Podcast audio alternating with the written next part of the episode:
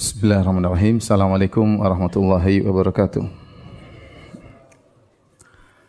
Alhamdulillahi ala ihsanihi wa syukru lahu ala taufiqihi wa amtinanihi wa syahadu an la ilaha illallah wahdahu la syarika lahu ta'ziman li sya'nih wa syahadu anna nabiyyina Muhammadan abdu wa rasuluh da'ila ridwanih. Allahumma salli alaihi wa ala alihi wa ashabihi wa ikhwanih.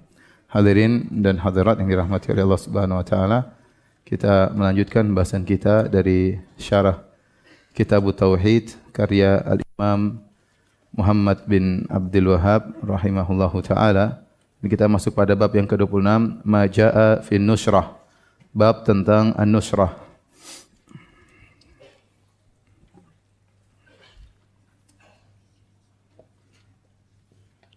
An-Nusrah secara bahasa secara bahasa diambil dari kata uh, yang dikata maknanya adalah nasr yang itu maknanya adalah tafriq atau al-kashf atau uh, al-bast. Tafriq artinya memisahkan. Kashf itu mengungkap atau melepaskan ya Kemudian al-bas artinya menguraikan.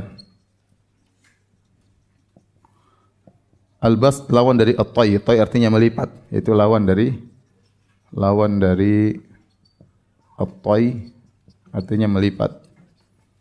Ini secara bahasa uh, an-nusrah. Adapun yang secara istilahan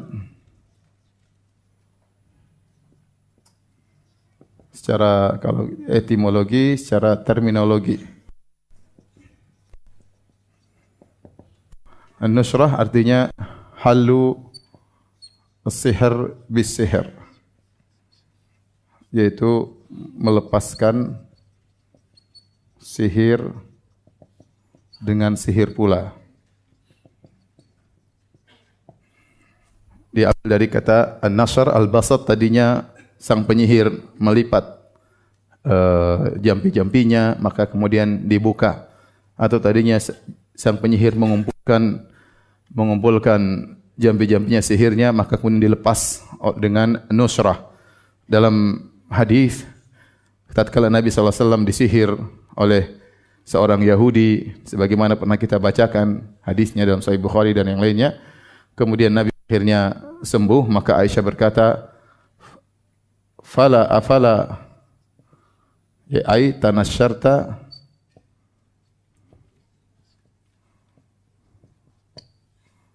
Artinya apakah engkau sudah lepas dari sihir? Aisyah bertanya kata Nabi, "Amma ana faqad afani Allah." Adapun aku Allah telah menyembuhkan aku. Ini secara bahasa dan itu secara terminologi secara istilah mengelepaskan sihir dengan sihir. Nah, bagaimana hukumnya?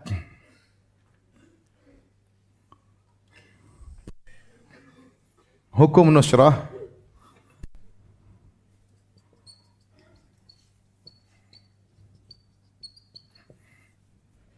Sebelumnya uh,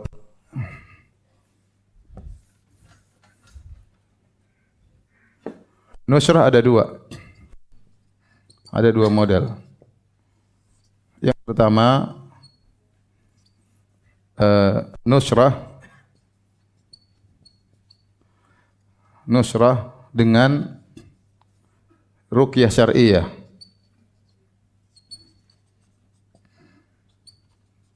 Dengan obat-obatan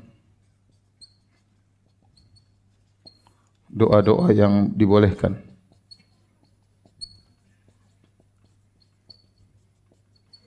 Maka ini sepakat sepakat ijma dianjurkan. Adapun nusrah yang ini yang model kedua nusrah sihir dihilangkan dengan sihir yaitu nusrah dengan menggunakan sihir.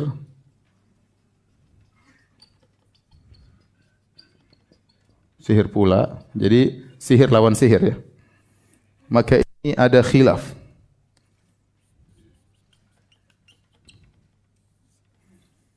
Ada yang mengatakan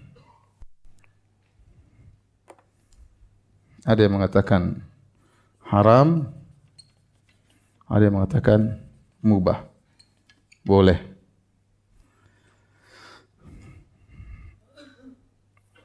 Adapun ada yang mengatakan mubah, ada dua model, ada yang mengatakan asalnya mubah karena bermanfaat karena bermanfaat. Ini pendapat Ibnu Qudamah dan ada yang mengatakan asalnya mubah karena darurat.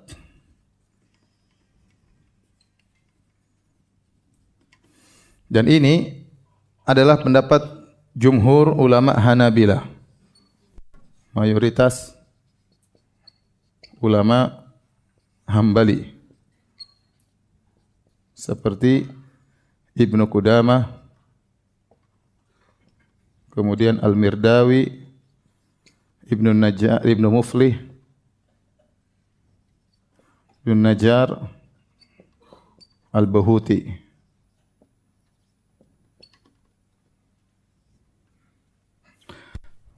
Uh, adapun yang haram seperti Ibn Taimiyah terus Ibn Qayyim dan ulama Hanabila zaman sekarang seperti Syekh bin Baz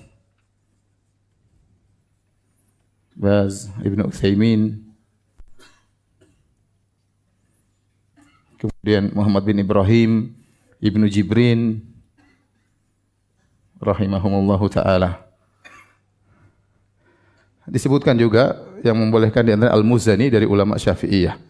Jadi antum lihat sini ya, yang membolehkan ulama Hanabila Ibn Qudamah Al-Mirdawi Ibn Mufli Ibn Najjar Al-Buhuti jumhur yang mengharamkan ulama dahulu Ibn Taimiyah Ibn Qayyim dan ulama sekarang. Ibn Bas rahimahullah madhabnya Hambali ya. Antum jangan bilang Syekh bin Bas tidak bermadhab. Syekh bin Bas madhabnya apa? Hambali. Syekh Uthaymin madhabnya apa? Hambali. Ibn Jibrin madhabnya apa? Hambali. Syekh Salih Al-Fauzan madhabnya apa? Hambali. Dalam madhab fikih mereka Hambali. Ulama boleh bermadhab, tetapi yang tidak boleh fanatik. Ya. Jangan juga boleh berlebihan. Tidak boleh madhab, tidak boleh madhab. Ulama salafiyun rata-rata bermadhab. Ya, kita tidak boleh gulu ya.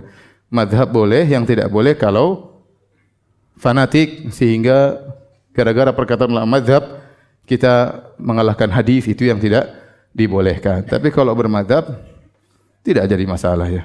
Ibn Taimiyah bermadhab Hambali, Ibn Qayyim juga bermadhab apa? Hambali. Imam Ahmad ya, Hambali.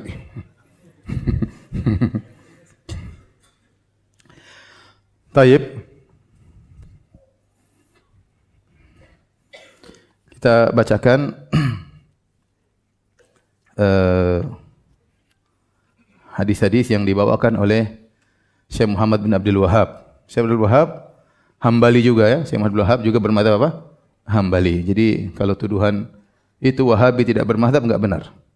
Syekh Muhammad bin Wahab madhabnya apa? Hambali. Dan uh, beliau memilih haram. Memilih haram secara mutlak.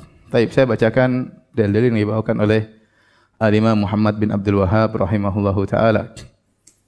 Yang pertama, An Jabir radhiyallahu anhu dari sahabat Jabir radhiyallahu anhu anna Rasulullah sallallahu alaihi wasallam suila an nusrah.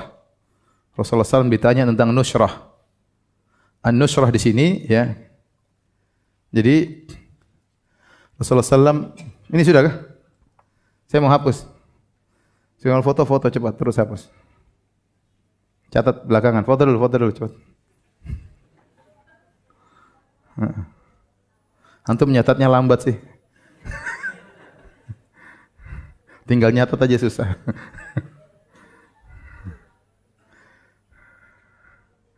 Saya punya teman dulu namanya Muhammad Sunni dari Sudan. Masya Allah. Sangat membantu kita di kelas. Bantukan kawan di kelas. Semua yang diomongin guru dicatat sama dia. Masya Allah. Sampai dia tunduk, enggak angkat kepala. Guling taklim ngapain? Nyatat perkataan antum. Luar biasa. Cat orang orang Arab kalau catat apa? Eh, cepat, cepat. Orang ngomong dia bisa catat. Masya Allah. Saya karena nggak bisa, saya nunggu aja nanti fotokopian. Tolong dihapus.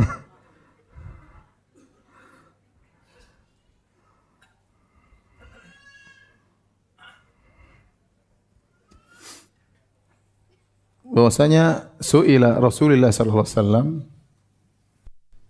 suila Rasulullah sallallahu alaihi wasallam. Anin nusrah faqal hiya min amali syaitan. Ya min amali syaitan. Rasulullah sallallahu alaihi wasallam ditanya tentang nusrah Maka beliau menjawab, nusrah itu dari perbuatan syaitan. Ini hadis sangat jelas bahwasanya nusrah itu hukumnya haram. An-nusrah di sini ada alif lam, alif lam sini namanya lil ahad. Yang sudah di benak kita. Nusrah sini bukan semua nusrah, tapi nusrah yang sering dilakukan di zaman jahiliyah yaitu nusrah dengan syirik yaitu uh, nusrah dengan sihir dengan sihir. Nabi tidak ditanya tentang nusrah yang menggunakan ruqyah. Paham? Makanya langsung beliau menjawab, itu perbuatan syaitan. Adapun kalau ruqyah, Nabi tidak menjawab demikian. Nabi pernah ditanya tentang ruqyah. Ya Rasulullah, bagaimana dengan ruqyah kunna naf'aluha bil jahiliyah? Kami dahulu melakukan ruqyah di zaman jahiliyah sebelum datang Islam. Maka Rasulullah SAW berkata, "I'ridu alayya ruqakum fa innahu la ba'sa bir ruqa malam yakun fihi syirkun. Kata Nabi, coba paparkan kepada aku bagaimana cara rukyah kalian. Sungguhnya tidak mengapa rukyah selama tidak ada apa? Kesyirikan. Itu rukyah. Kalau rukyah dilihat. Tapi kalau nusrah dengan menggunakan sihir. Jadi alif lam di sini alil ahad. Itu suatu nusrah yang sudah ada di benak mereka. Suatu nusrah yang dilakukan di zaman jahiliyah itu dengan datang ke dukun dengan tukang sihir kemudian melepaskan sihir orang itu jadi sembuh disembuhkan oleh tukang sihir yang lain. Maka jawaban Nabi, hiya min amal syaitan. Menunjukkan bahwasanya Nabi mengharamkan apa? Nusrah. Faham ya? Bukan nusrah yang ruqyah, tapi nusrah yang menggunakan apa? Sihir. Taib. Ruahu Ahmadu bisanadin jayyid. Diriwayatkan Imam Ahmad dengan sanad yang jayyid. Wa Abu Dawud dan juga diriwayatkan oleh Abu Dawud. Wa qala dan Abu Daud berkata, Su'ila Ahmadu anha. Alimah Muhammad ditanya tentang nusrah. Faqala Ibnu Mas'udin yakrahu hadha kullahu. Ibnu Mas'ud membenci ini seluruhnya. Yang biasanya yakrah itu maksudnya haram. Ya. Biasanya haram. Taib. Wa fil Bukhari an qatadata. Dalam Sahih Al-Bukhari, uh, dari Qatadah radhiyallahu taala anha radhiyallahu taala anhu dia berkata, "Qultu li Sa'id ibn al-Musayyib." Aku bertanya kepada Sa'id ibn al-Musayyib, ulama tabi'in. Rajulun bihi tibbun. Ada seorang lelaki terkena sihir. Au yu'akhadhu an imra'atihi atau dia terhalangi tidak bisa menggauli istrinya. Dia gaul istrinya enggak bisa jima, ditutup enggak bisa dia melakukan jima sama sekali. Ayuhallu anhu au yunasyaru apakah boleh dihilangkan sihirnya atau dilakukan nusrah kepadanya Qala la ba'sa bihi. Ibnu al-Musayyib mengatakan tidak mengapa dengan nusrah. Inna ma yuriduna bihil islah. Tidak mengapa nusrah karena maksud mereka melakukan nusrah adalah untuk perbaikan. Fa amma ma yanfa'un nas falam yunha anhu. Adapun yang bermanfaat bagi masyarakat maka tidak dilarang. Intaha. Ini dijadikan dalil oleh jumhur ulama Hanabilah bahwasanya nusrah boleh karena niatnya baik, karena bermanfaat dan dibolehkan oleh Ibnul Musayyib. Jadi makanya saya bilang tadi ada apa? Ada khilaf. Jadi saya ulangi Ibnul Musayyib ditanya oleh Qatada kata uh, Qatada mengatakan suila qultu. Aku bertanya kepada Ibnul Musayyib rajulun bihi tibbun. Ada seorang terkena sihir. Ayuhallu anhu au yu'akhadhu an imraati. Atau dia tidak bisa menggauli istrinya. Apakah dihilangkan uh, sihirnya? Au yunasyar dilakukan nusrah kepadanya Kata Ibnu Musayyib, la ba'sa bihi tidak mengapa, inna mayyuril islah, mereka ingin perbaikan. Wa amma ma yanfa'un nas fala yunha anhu. Dan ini bermanfaat dan perkara yang bermanfaat jangan dilarang. Taib. Ini Ibn Musayyib seakan-akan membolehkan nusrah. Wa ruwiya anil Hasan annahu qal dan diriwayatkan Hasan al-Basri beliau di berkata la yuhallu sihra illa sahirun. Tidak ada bisa menghilangkan sihir kecuali penyihir pula. Kecuali penyihir pula. Ini isyarat bahwasanya uh, nusrah itu haram karena pasti yang melakukan juga adalah penyihir dan kita tidak boleh mendatangi penyihir. Kemudian Syekh Muhammad bin Abdul Wahab rahimahullahu taala menutup babnya dengan membawa perkataan Ibnu Qayyim rahimahullahu taala. Qala Ibnu Qayyim berkata Ibnu Qayyim, "An-nusratu an-nusrah halus sihri anil mashur." Adalah menghilangkan sihir dari orang terkena sihir. Wahia nau'an dan dia ada dua model. Halus sihrin bimithlihi. Yang model pertama menghilangkan sihir dengan sihir pula.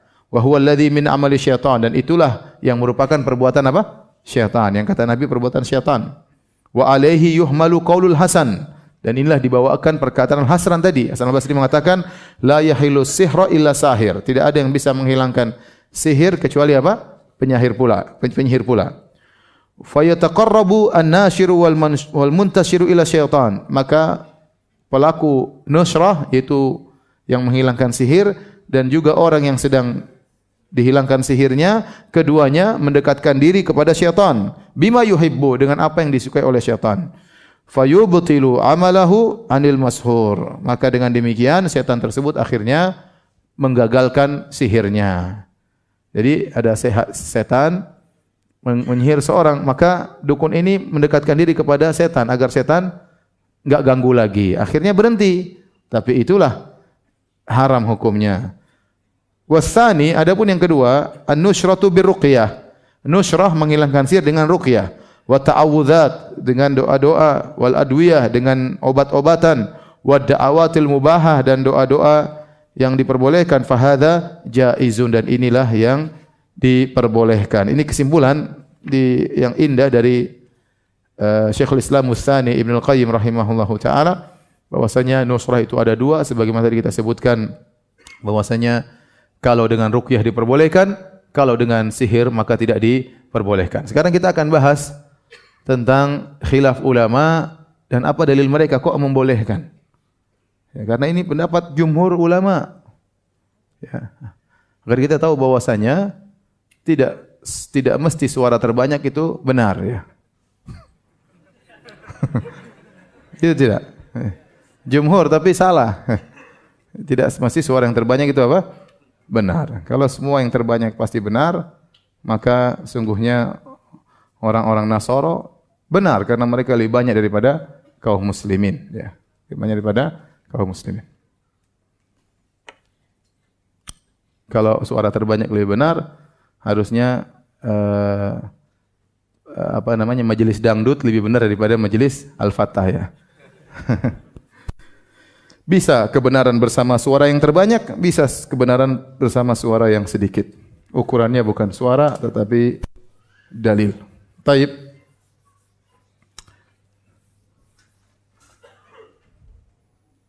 Kita bahas tentang khilaf ulama.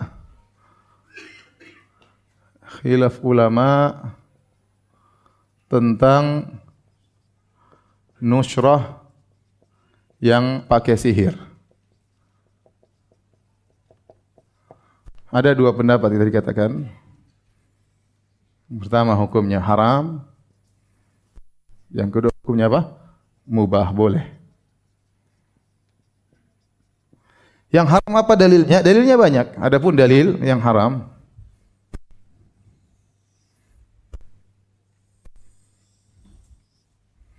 dalil ya. Yang pertama hadis Nabi tadi Kata Nabi, sabda Nabi SAW, Hiya min amali syaitan. Hiya min amali syaitan. Dan Nabi mutlak, ini dari perbuatan syaitan. Nabi tidak memerinci. Menunjukkan nusrah yang ditanyakan kepada Nabi, bukan nusrah. Pokoknya nusrah, nusrah ma'ruf yang dikerjakan, yaitu dengan uh, sihir. Dan Nabi tidak memerinci, kata Nabi, Hiya min amali syaitan. Jadi kata Nabi, itu termasuk perbuatan syaitan.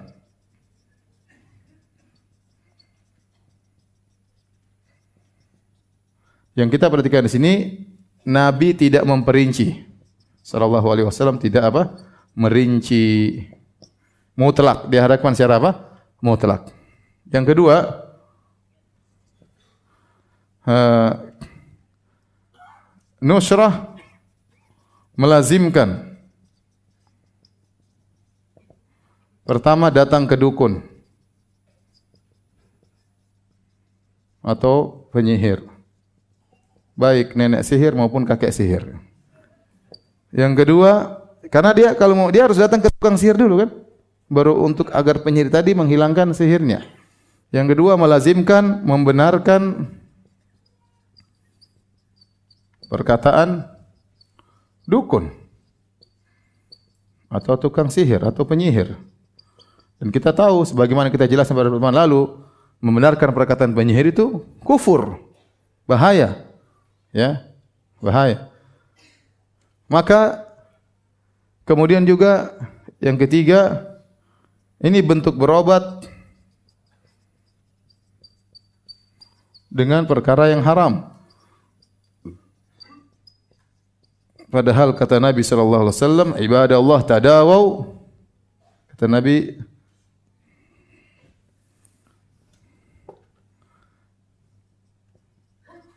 wala tatadawau bil haram.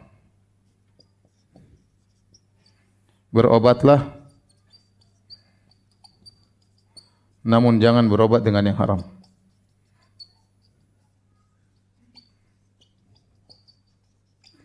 Yang haram. Ini di antara dalil-dalil yang menunjukkan bahwasanya uh, bahwasanya nusrah hukumnya adalah haram. Taib. Sekarang apa dalilnya yang membolehkan? Yang pertama mereka berdalil ini darurat. Darurat dan kaidah ad-darurah tubihul mahdhurat darurat menghalalkan membolehkan yang haram. Namanya juga darurat. Seperti bolehnya makan babi atau bangkai jika darurat. Jika darurat. Ini yang pertama. Kaedah ini kaedah ma'ruf ad-darurat tubihul mahdhurat. Yang kedua, uh, mereka mengatakan Imam Ahmad tawakaf. Imam Ahmad rahimahullah taala tawakaf. Tawakuf. Wakuf itu dia tidak tegas mengharamkan, tidak juga tegas membolehkan. Dalam satu riwayat dari Al-Asram, Imam Ahmad ditanya uh, tentang seorang yang menyembuhkan sihir dengan dia meneletakkan air di tonjir, yaitu semacam tempayan, kemudian airnya hilang. Kemudian airnya hilang.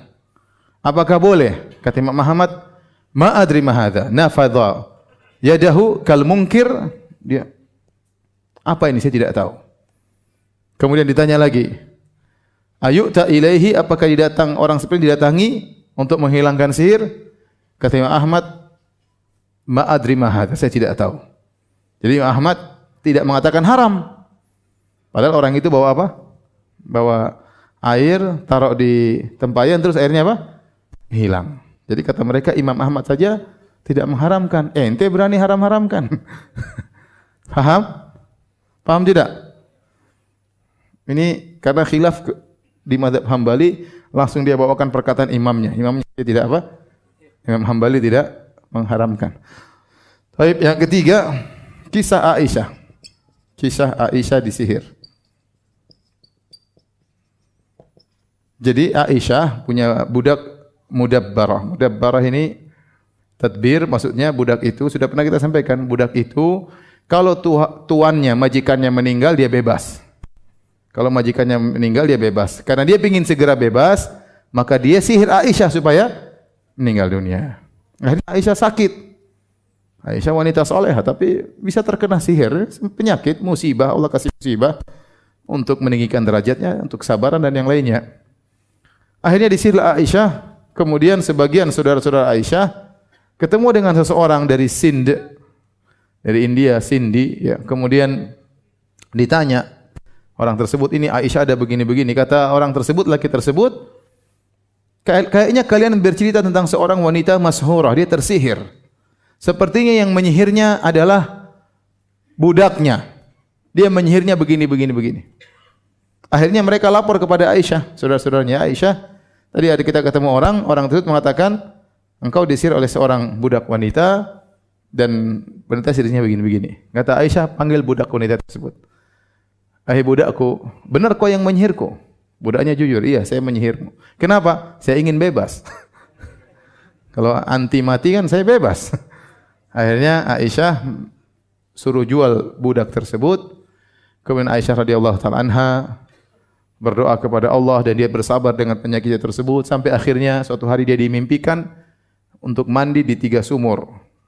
Kemudian Aisyah radhiyallahu anha mandi di tiga sumur, air di dari tiga sumur kemudian beliau pun sembuh radhiyallahu taala anha. Kata mereka, Aisyah tidak mengingkari laki-laki tersebut.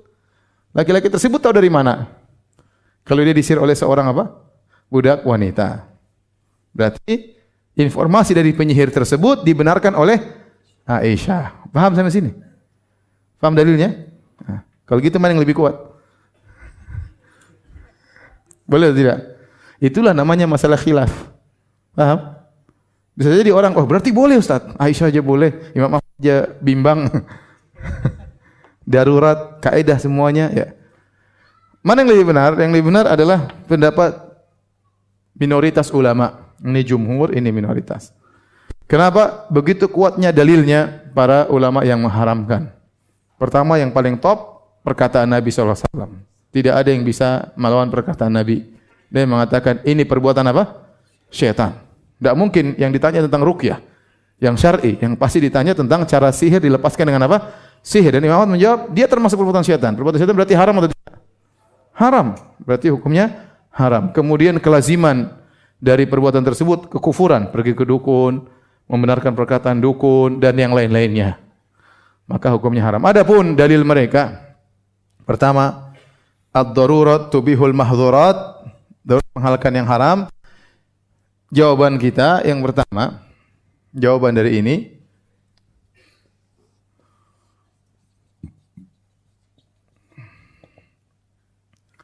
Yang pertama berobat tidak hukum asalnya tidak wajib.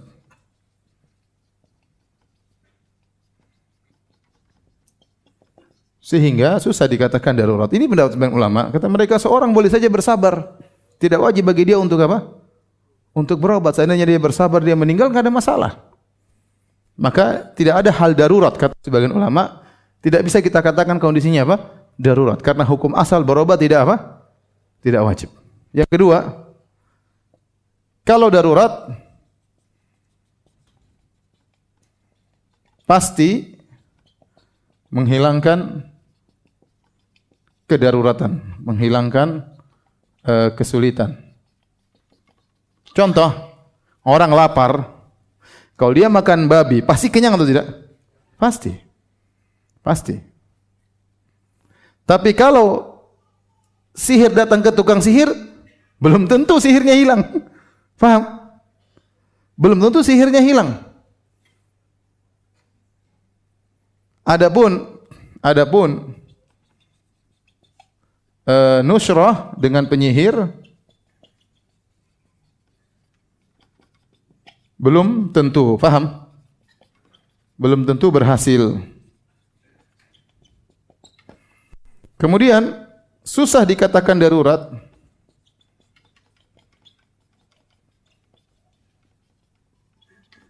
Sementara ada alternatif lain. Ada alternatif lain. Yaitu apa? Ruqyah. Yaitu apa? Ruqyah. Kenapa tidak pakai ruqyah? Kenapa harus ke penyihir? Jadi susah untuk mengatakan bahwasanya Ya ini hukumnya apa? Darurat. Saya tanya sama antum. Boleh enggak seorang kehausan minum khamr? Enggak ada air minum lain lagi. Ini kalau enggak minum khamr repot. Ini ada dia kehausan, enggak ada minuman kecuali apa? Khamr. Boleh atau tidak? Boleh atau tidak? Yang bilang boleh angkat tangan. Yang tidak boleh angkat tangan. Ulama saja khilaf apalagi jahil-jahil.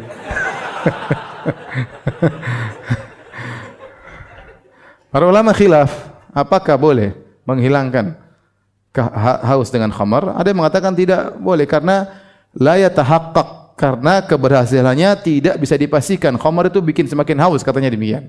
Tetapi kalau ada yang sesuatu tersandung di sini hanya bisa dihilangkan dengan khamar, itu ada yang mengatakan boleh. Karena dengan minum banyak dia bisa turun, misalnya ada kes, apa namanya?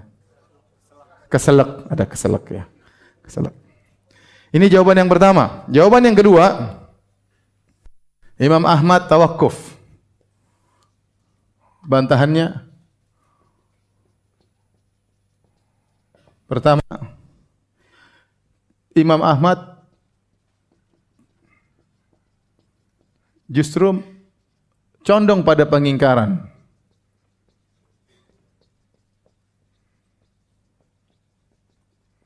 Bukankah sang perawi Al-Asram berkata, "Nafadha bi yadihi kal munkir." Imam Ahmad ditanya, bagaimana ini dia seperti begini tangannya. Nafadha itu dia tangannya begini. Kal munkir seperti orang yang apa? Mengingkari. Ma adri ma hadha? Apa ini? Apa ini? Itu condong bahwa Imam Ahmad sedang apa? Mengingkari. Sedang mengingkari. Kemudian dalam riwayat yang lain, riwayat yang lain Imam Ahmad ditanya tentang seorang meruqyah tapi caranya dia ngobrol sama jinnya. Kemudian dia punya anak buah jin untuk bisa menghilangkan sihir dari orang ini. Dia panggil pasukan jinnya mungkin lawan tu jin-jin apa namanya eh, jin-jin sesat. ini jin-jin baik, lawan itu misalnya. Apakah boleh kata Imam Ahmad ya Imam Ahmad mengingkari dia mengatakan la uhibbu li ahadin an yaf'aluhu wa tarkuhu indi aula. Kata Imam Ahmad, aku tidak suka orang melakukan demikian, lebih baik ditinggalkan. Padahal orang ini tidak soreh melakukan sihir, tidak. Dia hanya punya anak buah jin dan dia suruh jin bantu dia untuk menghilangkan. Dia ngobrol sama jin, uh, tapi Imam Ahmad tidak suka. Apalagi kalau benar-benar pakai apa? Sihir. Faham? Faham tidak? Kemudian kita katakan, kalaulah Imam Ahmad mengatakan boleh, tetap lebih kuat hadis Nabi Sallallahu Alaihi Wasallam. Faham? Kalaupun Imam Ahmad mengatakan boleh, jadi kita bantah dengan tiga bantahan. Pertama, justru asar tersebut condong Imam Ahmad mengingkari. Yang kedua, ada asar yang lain Imam Ahmad mengingkari. Yang ketiga, kalaupun Imam Ahmad bolehkan, kita bilang lebih kuat pendapat siapa? Nabi sallallahu alaihi wasallam. Kemudian ketiga, kisah Aisyah disihir, ya, bagaimana bantahannya?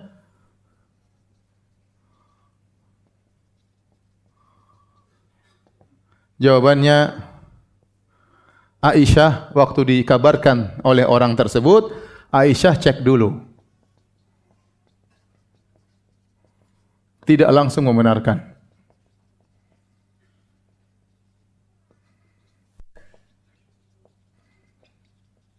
Paham? Waktu disampaikan dia cek dulu, dia bilang benar kamu mengapa namanya? Dia bertanya kepada budak tersebut, iya. Dia ngaku, ya udah. Yang kedua, Aisyah radhiyallahu anha tidak minta untuk dinusrah. Apakah dia minta dinusrah oleh laki-laki tersebut? Tidak. Dia malah bertahan, bersabar, solat malam dia berdoa sampai Allah yang menyembuhkan siapa? Aisyah radhiyallahu anha melewati mimpi. Ini dari bosnya dia tidak membolehkan nusrah. Kemudian yang mengatakan juga pendapat jawaban agak lemah kata ulama tersebut bahwasanya tidak ada dalil yang tegas bahwasanya laki-laki tersebut penyihir. Bisa jadi dia berdasarkan pengalaman. Kalau ada orang sihir mungkin begini, apalagi saudara-saudaranya Aisyah menceritakan Aisyah begini. Mungkin dia tanya bagaimana kondisinya. Dia punya budak begini-begini. Ah, mungkin itu budaknya yang berdasarkan pengalaman. Tidak ada dalil yang tegas bahwasanya laki-laki tersebut apa? Penyihir menggunakan syaitan. Paham? Makanya dia langsung jawab kemungkinan berdasarkan apa?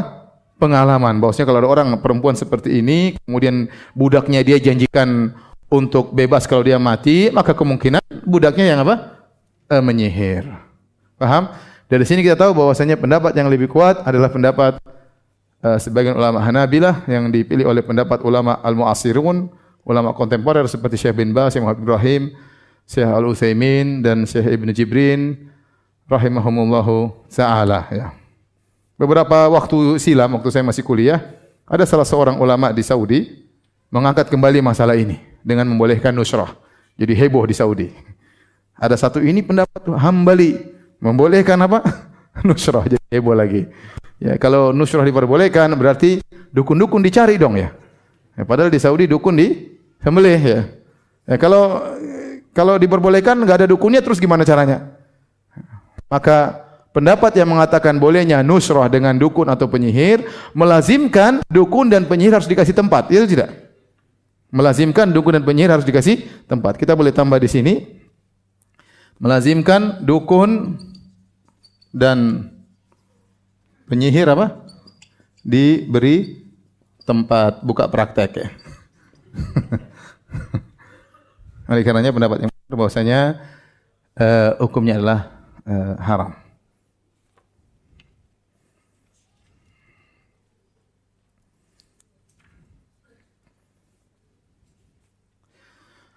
Baik. Uh, di akhir pengajian kita bahas tentang Eh, terus bagaimana kalau orang terkena sihir? Maka ada beberapa cara yang bisa dilakukan jika seorang terkena sihir. Ya. Yang pertama tentunya berdoa. Berdoa kepada Allah. Lihat Aisyah dia berdoa kepada Allah akhirnya apa? Sembuh. Ya. Doa itu yang paling utama, paling kuat. Lebih kuat daripada ruqyah. Lebih kuat daripada apa? Ruqyah berdoa yang paling utama berdoa tawakal kepada Allah Subhanahu wa taala. Saya punya kawan dia hafiz Quran. Dia terkena sihir. Hafiz Quran terkena apa?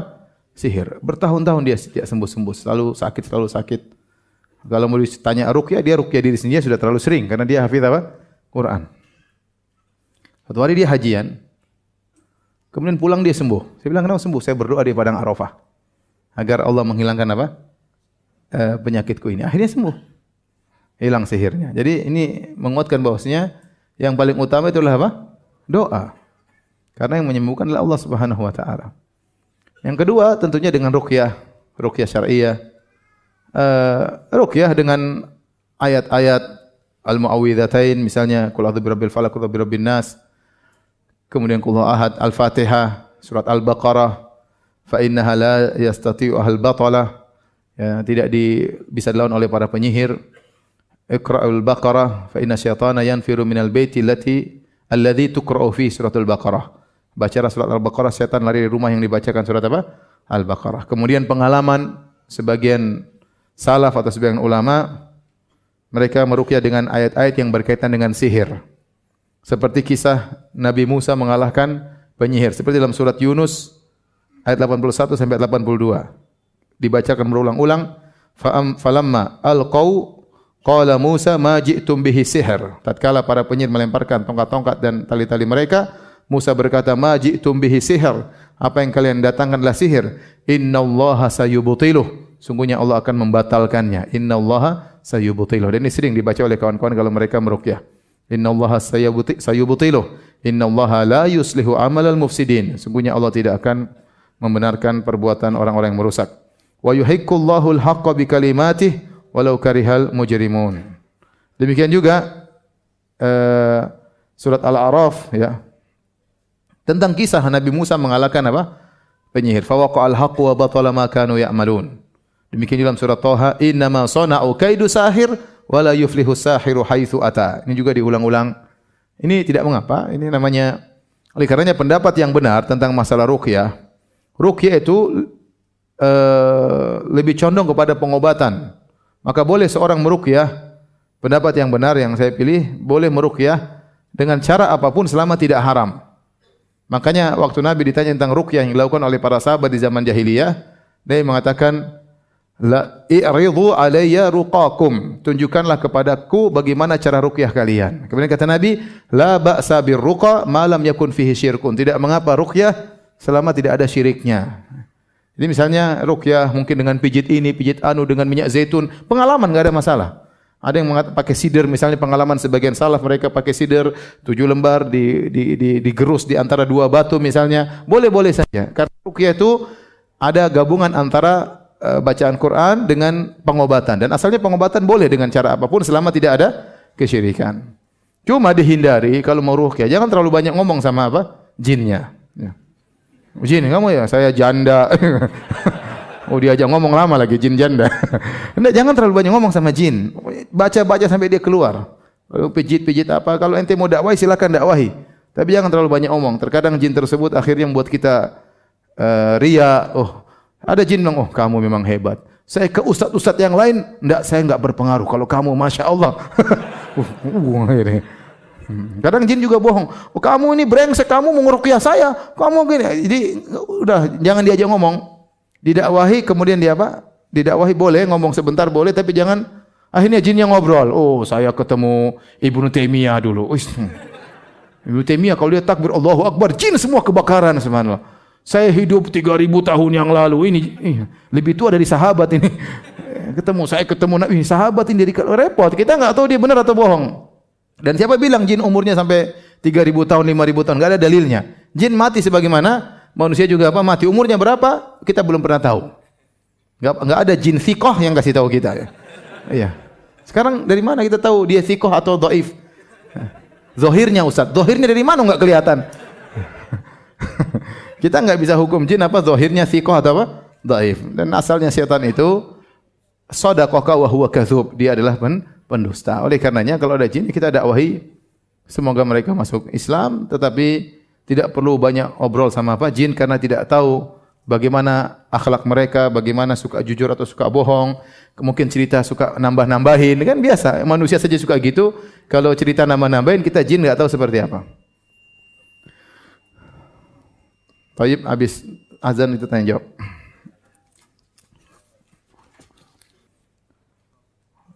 Pertanyaan, apakah boleh ditonton pengobatan yang ada di stasiun TV? Apakah itu rukyah syariah? Saya enggak tahu, saya enggak pernah apa lihat ya. Oh, tapi dulu ada kawan saya kerja di tele, stasiun televisi. Dia bilang Ustadz itu banyak drama doang, sandiwara ya. Wow, sandiwara. Sering sandiwara. Dia bilang begitu ya. Dia bilang gitu. Nanti ada jin kemudian ditangkap masukin botol ya. Masukin jin ke botol kasihan. Istrinya mana, anaknya mana. Jadi saya tidak anjurkan. Ya, ngapain nonton-nonton gitu? Ya udah nanti kalau ada nanti ruqyah.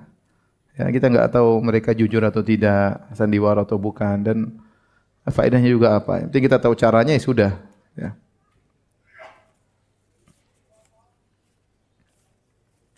Saya pernah melihat seorang meruqyah dengan ayat-ayat tentang jahanam sehingga jinnya kepanasan. Bagaimana hukumnya Ustaz? Asalnya meruqyah dengan ayat apa pun boleh. Sehingga boleh seorang mungkin milih ayat tentang jahanam, boleh-boleh saja ya. Pengalaman uh, sang peruqyah tersebut ya. Tapi jangan dia katakan sunnahnya ayat-ayat jahanam, enggak ya. Tapi dia mau pakai ayat itu boleh. Kalau kita bilang sunnahnya ya, al-muawwidzatain qul a'udzu birabbil falaq wa binas itu yang datang dalam dalil. Surat Al-Baqarah datang dalam ada dalilnya. Sisanya terserah seluruh ayat Al-Qur'an boleh dijadikan apa? Ruqyah. Tadi seperti ayat-ayat tadi pengalaman sebagian ulama atau sebagian salaf ayat-ayat tentang uh, Nabi Musa mengalahkan para penyihir. Kalau ada yang pengalaman mungkin baca ayat tentang neraka jahanam, jinnya ketakutan, kepanasan ya boleh-boleh saja. Hukum asalnya apa? Boleh. Istri saya sebentar lagi melahirkan. Apakah ada sunnahnya mengadhankan di kuping bayi? Secara hadis, hadisnya diperselisihkan. Ya. Sebagian membaifkan hadis tersebut. Tapi kalau amalan salaf ada. Para salaf mengadhankan apa? Uh, mengadhankan bayi ketika baru lahir ya.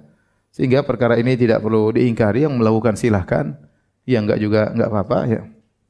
Apakah mentahnik boleh dilakukan oleh ayahnya saya atau saya sendiri? Uh, boleh, ya. mentahnik juga ada khilaf. Apakah tahnik khusus bagi Nabi wasallam karena para sahabat waktu di zaman mereka ada anak-anak mereka baru lahir dibawa kepada Nabi wasallam. Sampai ada sebagian sahabi yaitu Ummu Sulaim waktu anaknya lahir uh, pernikahannya dengan Abu Talha maka dia lahir di malam hari, dia tidak kasih makan terlebih, dia tahan sampai pagi. Supaya yang pertama kali masuk ke mulut anaknya adalah uh, tahniknya Nabi sallallahu alaihi wasallam. Akhirnya Anas membawakan korma kepada Nabi SAW, kemudian Nabi melumat, kemudian Nabi masukkan korma tersebut ke sang bayi, dan sang bayi pun menjilat-jilat korma tersebut. Ya. Kemudian kata Nabi SAW, Hibbul Ansar Tamar. Lihat ini, orang Ansar suka korma. Karena sejak dia jilat-jilat, Nabi, Nabi apa memuji, lihat. Bayi Ansar ini suka apa? Korma ya. Lantum apa tekniknya? Jangan kasih sambal ya.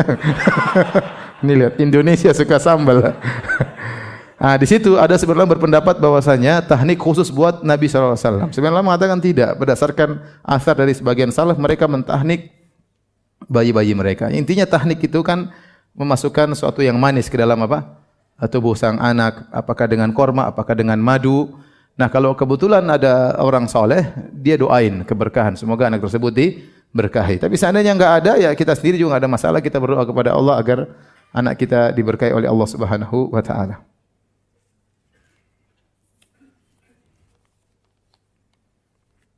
Bagaimana pendapat tiga imam madhab tentang nusrah? Saya belum cek. Ya.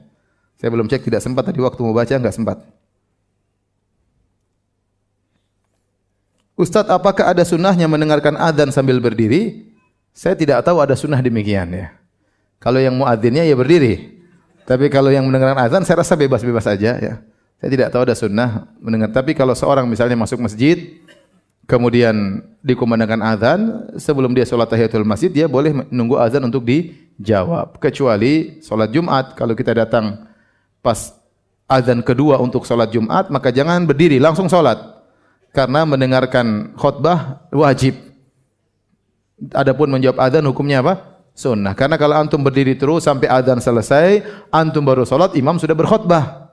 Oleh karena kata para ulama kecuali kalau seorang masuk masjid tatkala adzan kedua di hari Jumat, maka dia langsung salat aja sehingga tatkala adzan selesai dia sudah siap mendengarkan apa? khutbah dengan sempurna.